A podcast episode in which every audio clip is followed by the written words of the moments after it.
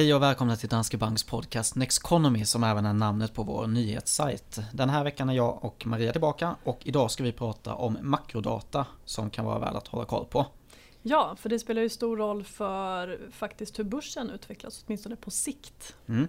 Och vi kommer också prata om hur man ska agera när börsen faller, eller i alla fall hur man ska tänka. Som ju är högaktuellt att prata om just nu. Mm. Och eh, med tanke på det då, hur har du agerat den senaste tiden här Maria? Jag har faktiskt inte gjort någonting. Jag sitter mest och tittar med stort intresse på hur pass stora börsrörelser det har varit och eh, håller också lite koll på hur olika bolag utvecklas. För jag ser nog snarare att det här kan vara ett intressant eh, tillfälle och kanske öka lite i vissa bolag som man suttit och tittat på men möjligen tyckte varit dyra då. Så eh, än så länge har jag inte gjort någonting. Jag tror att det kommer att vara fortsatt stökigt på börsen men ja, snarare kanske ett tillfälle att öka lite grann än att göra någonting annat. Och du då? Ja men förra veckan, jag köper ju en gång per månad då. Så jag köpte runt den 25 där förra veckan och jag har ju då en procentuell andel som jag vill ha exponering mot olika marknader och mot olika tillgångsslag och sådär. Så det jag gjorde, eller det jag alltid gör är egentligen bara att öka på där något har eh, driftat neråt då. Om jag inte har den exponering jag vill ha så ökar jag på i den delen. Och nu blir det ganska naturligt att eh, aktiemarknaden hade gått ner. Mm. Så blir det den delen av portföljen som jag viktar upp. Och eh, försöker även då kolla på vilka eh, delar som har drabbats mer hårt då kanske. Jag har ju ändå någon tanke där med att jag tycker ändå om att försöka köpa saker som är billigt. Så. Men mm. så jag menar, jag följer min vanliga strategi och bara ökar på portföljen varje månad. Så inget, eh, inget eh, värre än så. Inget dramatiskt, nej. nej. Det låter ju rimligt. Mm, bra, men då så. Då tänker jag att vi hoppar in på veckans Aktuellt. Kan man tro att det är coronaviruset kanske Maria? Ja, jag känner att det blir ju naturligt att vi pratar om det. För det är ju det som har orsakat stora kursrörelser på börsen den senaste tiden. Eh, och då kan man väl konstatera att nu när spridningen i Kina äntligen ser ut att ha tappat fart så upptäcks det ju istället i allt fler länder runt om i världen och även i Europa. Och här återstår ju att se hur stor spridningen blir och om man klarar att effektivt bromsa det eh, i olika länder då.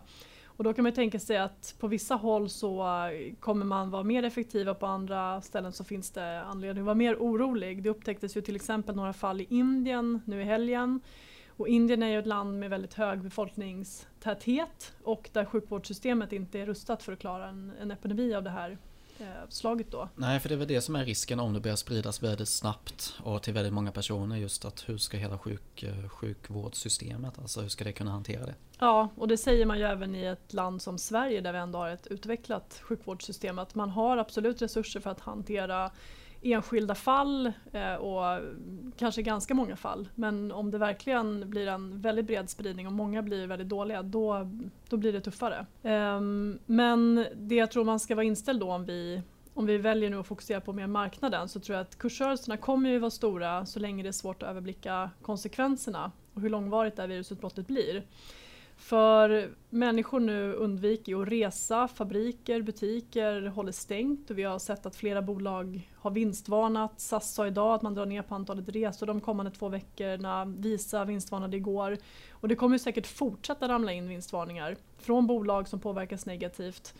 Och det kan ju i sin tur också smitta av sig både på sentimentet och liksom bredare på börskursen även för bolag som ännu inte har sagt någonting om hur det här påverkar. Då. Så det är det negativa men sen på pluskontot och det som har gjort att vi fått också eh, kraftiga hopp uppåt på kurserna det är ju att centralbankerna har börjat flagga för stimulanser. Så tittar man på den amerikanska centralbanken så har ju Powell öppnat upp för räntesänkning och det har även ECB och Lagarde gjort då. Och tittar man på prissättningen på marknaden så väntar man sig att Fed sänker räntan redan nu i mars. Kanske med 0,25 procentenheter vilket är de normala stegen men möjligen med hela en halv procentenhet då så att man i princip slår två räntesänkningar på en gång om man säger så. Och tittar man på prissättningen på marknaden så väntar man sig totalt fyra räntesänkningar under det kommande året. Och den amerikanska tioårsräntan har ju noterat nya all time low så den har varit på lägre nivåer än den varit eh, även efter finanskrisen. Då. Mm, så räntesänkningar kan i alla fall ge stöd åt eh, ekonomier och även åt börsen då men det kommer ju inte, kommer inte ta bort själva grundproblemet då som, som man kanske annars försöker genom att stimulera ekonomin. Att, eh, Nej precis och det är ju klart att en räntesänkning inte rår på coronaviruset men det kan ju stöd åt, åt marknadssentiment och lite riskaptit och sen så när man så småningom får kontroll av det här så kommer ju penningpolitiken vara mer expansiv i utgångsläget så då kan man också tänka sig att det är en skjuts åt återhämtningen. Mm. Men det man kan säga i alla fall är ju att osäkerheten är hög och sättet att möta osäkerhet är genom att diversifiera portföljen, eller hur? Ja, som vi pratade om sist. Så den kan ja. vara en fördel att lyssna på om man känner att man har haft en lite för låg eh, riskspridning. Ja, men precis. Eh, ja, men då så. Då tänker jag att vi går vidare till veckans fråga då. Och den handlar ju just om det här. Mm. Eh, hur ska man tänka när börsen går ner kraftigt? Ja, och jag, om jag får börja då så säger jag som jag skrev i veckobrevet som jag skickade ut igår. Man ska ha is i magen och man ska hålla blicken fäst vid horisonten. Åtminstone om man är en långsiktig investerare. Jag tycker att en bra utgångspunkt det är att fundera på om coronaviruset minskar den långsiktiga potentialen i min portfölj och i de aktier jag har, om jag också har enskilda bolag i portföljen. Och är svaret nej, det gör det sannolikt inte. Det kommer inte spela någon som helst roll om fem år eller tio år, då finns det ju troligtvis ingen anledning att göra för några förändringar heller. Och åtminstone om jag inte ska ha pengarna i närtid till en resa eller en renovering eller bostad eller någonting. Men är man långsiktig, man behöver inte de här pengarna eh, de närmaste åren, då tycker inte jag att man ska göra någonting. Vad säger du Ludvig? Nej, men bara en bra poäng där att göra är ju alltså bara att påminna sig om att aktier faktiskt är andelar i ett företag. Mm. Så jag menar företagen säger mer om företagen än vad aktien säger om företagen. Om man säger så. Ja. Eh, men eh, något som jag bara tänkte komma in på här är ju olika typer av tankefel som vi kan göra. Eller kognitiva biaser då som Kahneman kallar det. För i en nedgång, alltså en sån sak som jag varit inne på tidigare det är ju närtidsbias. Alltså mitt inne i en nedgång så är det väldigt svårt att komma ihåg att aktiemarknaden brukar återhämta sig över tid. Det är väldigt enkelt då att fokusera på den här smärtan av att se portföljen visa röda siffror dag efter dag. Så det är ju en sån sak och jag menar något sätt att stå emot det här då det är ju kanske att inte kolla på portföljen. Mm, man, man ska inte sitta där och titta timme Nej. för timme hur börsen plötsligt Precis. vänder ner på rött och bara rasar. Precis, så det är väl ett sätt att motstå det. Sen har vi förlustaversion, det är smärtsamt att förlora. Det finns ju en evolutionär förankring här. De som har förlorat historiskt har inte överlevt. Eh, så de som har tagit, tagit stora risker och misslyckats har inte fört sina gener vidare.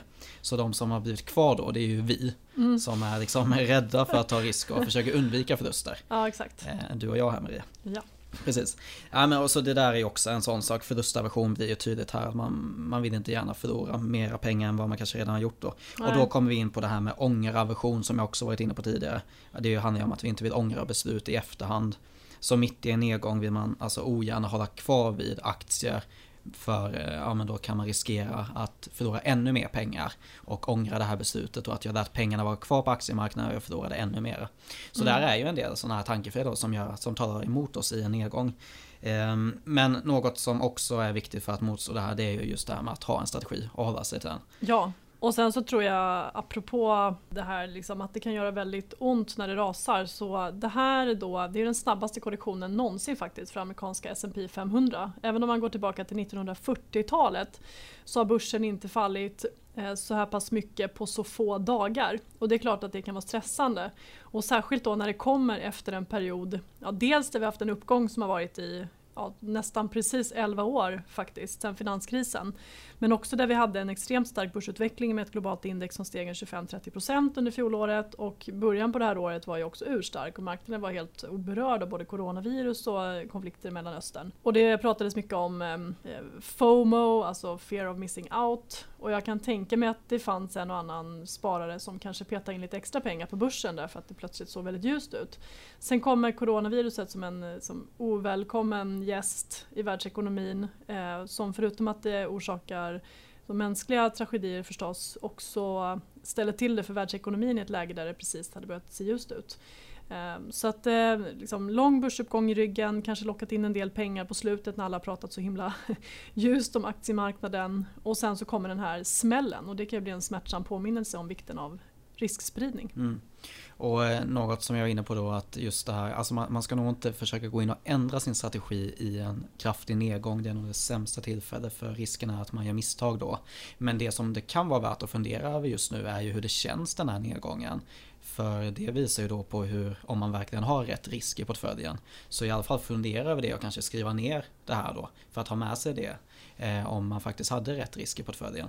Och eh, något som då eh, JP Morgan vet jag har sagt är att hans eh, vän sa till honom, det är klassiskt där att du ska sälja ner aktiedelen av portföljen tills du når sömnpunkten. Mm. Så eh, just det där, har man svårt att sova just nu, ja men då kanske man sitter på för mycket aktier i portföljen och borde ha en större ränteexponering. Mm. En annan sak som också med det här med närtidsbias det är just det här med att fokusera på de längre perspektiven. Så jag tycker en sån sak som att bara ta upp en graf och kolla på 2019, vilken fantastisk utveckling vi hade då och just påminna sig om att man kan inte förvänta sig det varje år. Och samma sak, ta upp en graf och kolla på de senaste 20 åren det ser ju, det ser ju bra ut då. Så ja, det gör man, det. man påminner sig om de här längre tidsperspektiven i de här eh, kraftiga nedgångarna. Ja, och särskilt de här dagarna när index går ner 4-5% på en dag så det är klart att det är stressande.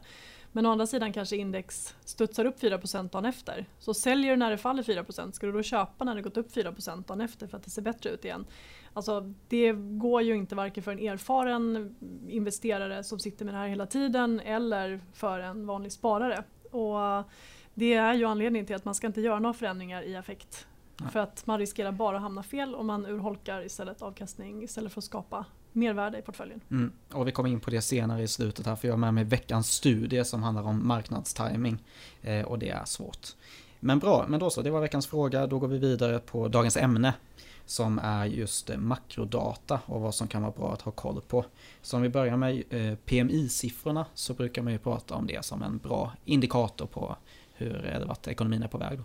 Ja, och PMI då, det står ju för Purchasing Manager Index och det är alltså ett inköpschefsindex.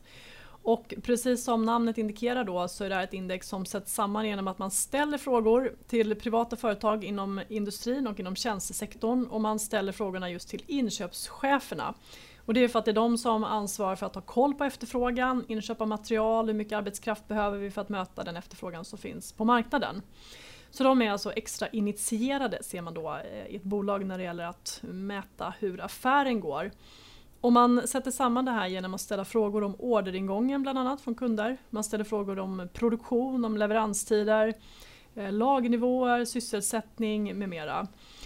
Och det man frågar då det är om var och en av de här olika komponenterna har förbättrats, om de har försämrats eller om de är oförändrade jämfört med månaden innan.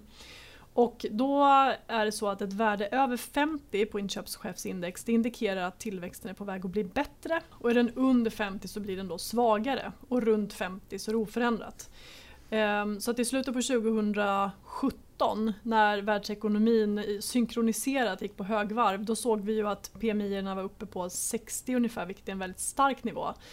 Och kollar man nu på industrin i Europa till exempel så har den fallit ner en bit under 45 och när den hamnar under 45 faller ner mot 40 då börjar man prata om att det är en recession, alltså en lågkonjunktur. Ehm, så att det här då, det är en av de bästa framåtblickande indikatorerna faktiskt. Och man kan se att PMI, om man tittar på det, det samvarierar både med BNP-tillväxten i ekonomin, det samvarierar med vinsttillväxten i bolagen och även med börsutvecklingen. Så att PMI är ett väldigt bra instrument eh, för att försöka säga någonting om ehm, eh, såväl ekonomisk tillväxt som eh, börsutvecklingen framgent. Och ganska simpelt på något sätt, alltså att man bara skickar ut enkäter och så får man svara på dem och så kan det ändå visa på hur börsen kommer utvecklas framöver och ekonomin. Ja. Exakt. Ehm, och sen, men jag tänker på, för eh, det känns som att tjänstesektorn får ju allt större fokus också. Alltså tjänstesektorn utgör en större del av världen än vad den har gjort tidigare. Så man har kanske sett, sett någon typ av skifte där då. Från att det var industrin som var väldigt viktig, man fokuserar kanske mer på de PMI-siffrorna till att nu får kanske tjänstesektorn ännu större fokus än vad det haft tidigare. Och man har ju satt lite hoppet till tjänstesektorn också i den avmattning som vi såg eh, bland annat under förra året. Och det är ju så att industrin är den mer konjunkturkänsliga delen av ekonomin. Där är svängningarna betydligt större, alltså tillväxten kan vara högre och potentialen i cykliska bolag på börsen kan vara stor under perioder där ekonomin växer i en högre takt och accelererar. Men där kan du också få betydligt kraftigare nedgångar när det går ner då. Och tjänstesektorn den ser man är mer stabil. Den drivs av konsumtion eh, som då är stabilare än, än industri, efterfrågan i industrin. Eh, och just då när industrin tog stryk till följd av handelskriget och liksom politisk osäkerhet under förra året då var ju tjänstesektorn den som förblev stabil tack vare att arbetslösheten är låg. Folk får mer i plånböckerna därför att reallönerna faktiskt ökar både i USA och Europa. Inflationen är låg, räntorna är låga. Och det gör då att vi ändå kunde se att ekonomin taktar på. Och så ser det framförallt ut i USA som är väldigt konsumtions och tjänstedriven. Eh, också i rätt hög del i Europa, även om industri och banker väger tyngre på börsen här. Men blickar man då över mot tillväxtmarknader som Kina till exempel så är fortfarande industrin en stor del av ekonomin. Så där, där blir den viktigare då. Vet du ungefär hur stor del det är i Kina? För det är väl ungefär 80-85% i USA som utgörs av eh, tjänster. Ja, och för europeisk del så ligger det också någonstans mellan 70 och 80 procent. Eh, och tittar man på Kina så är det ungefär hälften. Okay. Men sen finns det ju andra indikatorer som också är bra. Och eh, just när man pratar om vad ekonomin drivs av så kan man se då att i USA där då tjänstesektorn är en 85% ungefär av ekonomin så finns det ju några saker kopplade till tjänstesektorn som föregått varje lågkonjunktur historiskt. Och det ena är ju stigande arbetslöshet. Så om man tittar på arbetsmarknaden så har arbetslösheten börjat öka kort innan lågkonjunkturen kom. Och man har också sett att konsumtionen har bromsat in kraftigt. Så från att den har taktat på och ökat ja, i, den har ökat med några, någon eller några procentenheter per år så har konsumtionen då fallit kraftigt. Och när konsumenterna blir oroliga kanske för att arbetslösheten ökar, man börjar hålla i plånboken, då går USA in i en lågkonjunktur. Så att det finns flera saker som är bra att hålla koll på. Lite beror det ju på vad ekonomin i grunden drivs av. Då. Mm. Och när vi är inne på det, vi kanske kan prata lite om just eh, konjunkturcykler också. Du var inne på det med att eh, industrin är mer konjunkturkänslig. Och eh, det där är väl något som man kanske har gått från att lägga mycket fokus på var befinner vi oss i konjunkturcykeln till att numera inte göra det på samma sätt kanske. Ja, och det där konjunkturcykeln tittar man ju ofta på sen. Man applicerar den på den här investeringsklockan och tittar på var någonstans i konjunkturcykeln är vi och sen så prickar man in då olika tillgångslag som brukar gå bra under olika delar av cykeln. Och så försöker man bedöma var vi kommer vara de närmaste månaderna för att se ja. vilka tillgångslag som kommer kunna ja, vara bäst. Ska jag ha defensiva aktier ja. eller ska jag ha mer konjunkturkänsliga tillväxtbolag? Eh, ska jag ha obligationer, guld, dollar och så vidare. Mm. Men det där har ju visat sig vara extra svårt den här gången och det handlar ju om att vi har en konjunkturcykel som är längre än vad den har varit historiskt. I USA så har vi aldrig varit med om en så här lång expansion. Och faktum är att om man tittar på vissa andra ekonomier så finns det ju exempel på konjunkturcykler som pågått i två decennier eller till och med mer. Så i Australien då så har exempelvis den nuvarande, fortfarande pågående expansionen pågått sedan 1991 så ingen lågkonjunktur och recession sedan 1991. I Nederländerna så hade vi en expansion som pågick från 82 fram till 2008 efter när finanskrisen bröt ut. Då. Och Storbritannien 92 till 2008. Så att det, finns extrem, det finns exempel på extremt långa konjunkturcykler. Inga 57 år eller 7 till 10 år eller vad det är man brukar Nej, säga. Nej, exakt. Och eh, sen så finns det också teorier då om att vi har haft flera minicykler sedan finanskrisen. Så att det här i själva verket inte är en lång global expansion utan att vi har haft Eh, cykler i olika delar av världen. Ehm, till exempel hade vi en i samband med eurokrisen, vi hade en i samband med att Kina bromsade in kraftigt 2015-2016 och en då under förra året när tillväxten föll till följd av handelskriget. Eh, så att ska man försöka summera det här så är det svårt att säga någonting om exakt var i konjunkturcykeln vi är. Eh, och jag vet inte hur länge liksom, ekonomer har gnuggat sig i huvudet och funderat på om vi är liksom eh, mittcykliskt eller om det är sencykliskt eller nu är vi på väg in i en fas av ny expansion och sådär. Så att jag tror att den här liksom, teorin om att vi kanske mer har haft ett antal mildare minicykler är nog mer eh, mer pricksäkert den här gången. Mm. Ja men då så, då tänker jag att vi går över på hur makro påverkar en portfölj. Hur skulle du säga att makro, hur, var, varför har det betydelse för hur en portfölj kommer utvecklas?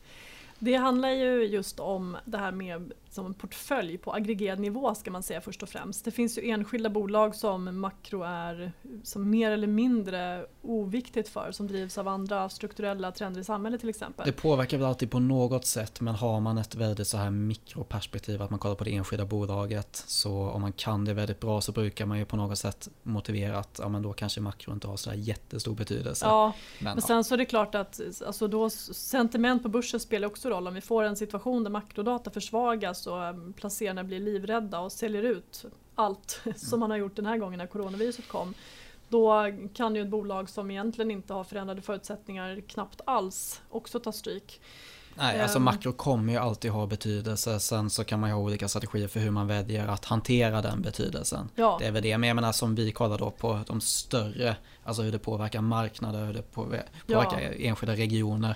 Då kommer det ha en större betydelse. Då kommer det ha större betydelse. Och då är det ju lite återkoppling till det vi pratade om i början. Att tittar man på tillväxten i bolagsvinster till exempel så går ju de ungefär samma cykel som konjunkturen. Så att om du har en, en konjunkturavmattning under en längre period då kommer du inte ha växande bolagsvinster. Eh, men å andra sidan då när tillväxten i ekonomin tar fart så kommer du också ha växande bolagsvinster. Och i och med att bolagsvinsterna på lång sikt är styrande för var börsen går så är det klart att allting det här hänger ihop.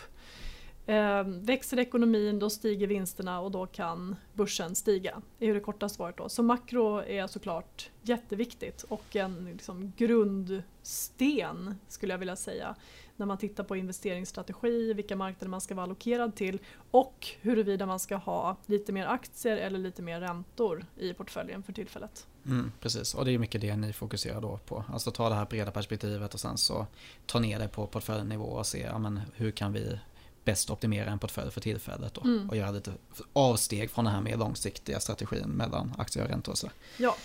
Eh, och om vi bara går vidare på för något som har varit ganska ett hett ämne får man väl säga det senaste året är ju det här med eh, handelskriget och alltså den globala handeln. Mm. Eh, hur, hur mäter man den och vad får en sån sak som tullar för effekter? Man tittar ju på alltså hur stor del av världens BNP som utgörs av import och export.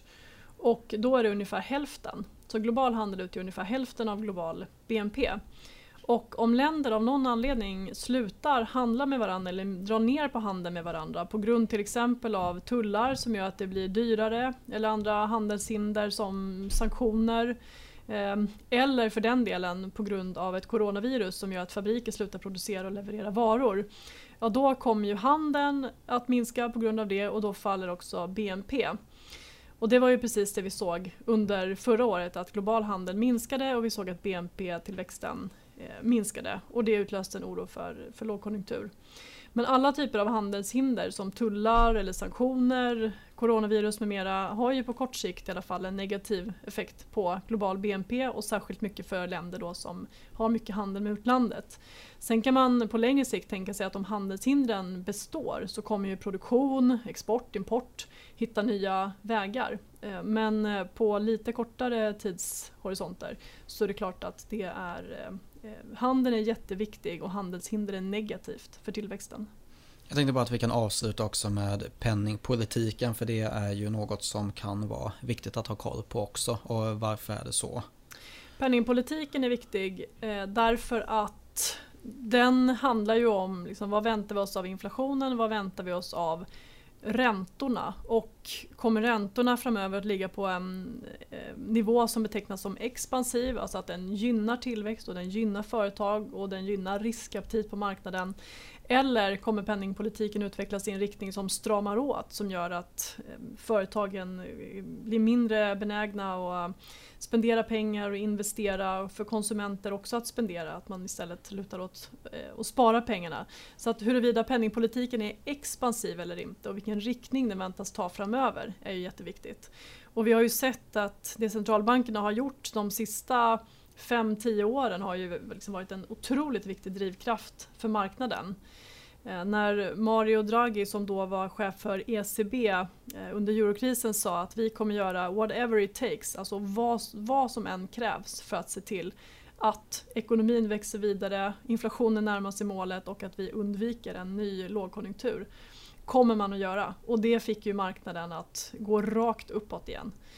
Eh, vi har också sett att när Fed har svängt om från räntehöjningar nu senast till att man pausade och sen sänkte igen så ingör det också liksom kraftfullt mod i marknaden trots eh, handelshinder, handelskrig och annan politisk oro. Så att eh, penningpolitiken är ju, är ju otroligt viktig mm. för såväl tillväxt som marknadssentiment och bolag. Ja, också just det här gamla då eh, TINA-fenomenet just när räntorna sjunker för att man ska få avkastning på pengarna så blir ju, man vill gärna in i riskfyllda tillgångar och då blir ju aktier det, det alternativet man har i många fall. Ja, och ännu mer nu än vad det varit historiskt med tanke på att räntorna återigen har krypit ner mot låga nivåer. Så inte ens i, i USA får man mycket mer nu än 1% i avkastning på en 10-årig statsobligation. Och för europeisk del så har räntorna sjunkit ner tillbaka ner mot de liksom, lägsta nivåerna av negativa räntor igen. Så att eh, det kostar pengar att hålla en statsobligation för en europeisk investerare. Och det är ju inte jättekul. Och det gör ju också att man kan tänka sig att det finns en underliggande efterfrågan på aktier och risktillgångar och att får vi en kraftig dipp på börsen så kommer det förr eller senare vara så att det ser ut som att det är översålt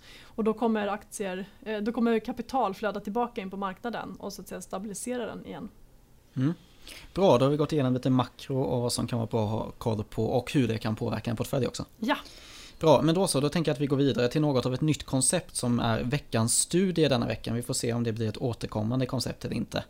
Men i alla fall, det är internationella kvinnodagen på söndag. Ja. Och man brukar säga att kvinnor är bättre investerare än män. Och därför råkade jag råkade komma över en studie om detta, så jag tyckte det var passande. Och ja. Eh, studien heter då Boys Will Be Boys, eh, vilket ju är ett bra namn kan jag tycka. Och det här är av Brad Barber och Terence Odin som jag har refererat till några andra gånger. Den är från 1998, eh, så den är lite gammal, men jag tycker den är bra ändå. Och den, den håller säkert sig. fortfarande. Ja, det måste man säga. Eh, men okej, okay, men det man gör då, det är ju framförallt marknadstiming, de har gjort många studier kring det här. Men det man fokuserar på här och det man testar, det är egentligen, man utgår ifrån tre saker. Och det första är att investerare som har en övertro på sin förmåga kommer göra mer aktieaffärer än andra. Det är det här overconfidence bias då. Och eh, det andra, det är att det har visat sig att de gör, som gör fler aktieaffärer tenderar att få en lägre avkastning än andra. Och sen det tredje är då att män har visat sig ha mer självförtroende än kvinnor när det gäller att ta finansiella beslut i ett hushåll. Så det är i mm. princip de där tre eh, som de utgår ifrån då. Och bara för att gå in på det här första med overconfidence bias så skriver de att ja, men, övertro är som störst inom områden där det är svårt att göra prognoser och där man inte får direkt feedback på sina beslut. Och att försöka hitta aktier som kommer över, avkasta marknaden över tid är ett sånt område då. Ja. Ehm, och sen då de här alltså investerare som har en övertro på sin förmåga tror också att deras bedömning av en aktie är bättre än andras. Så de har en tendens att bara helt bortse från andra synpunkter och tro på sin egen.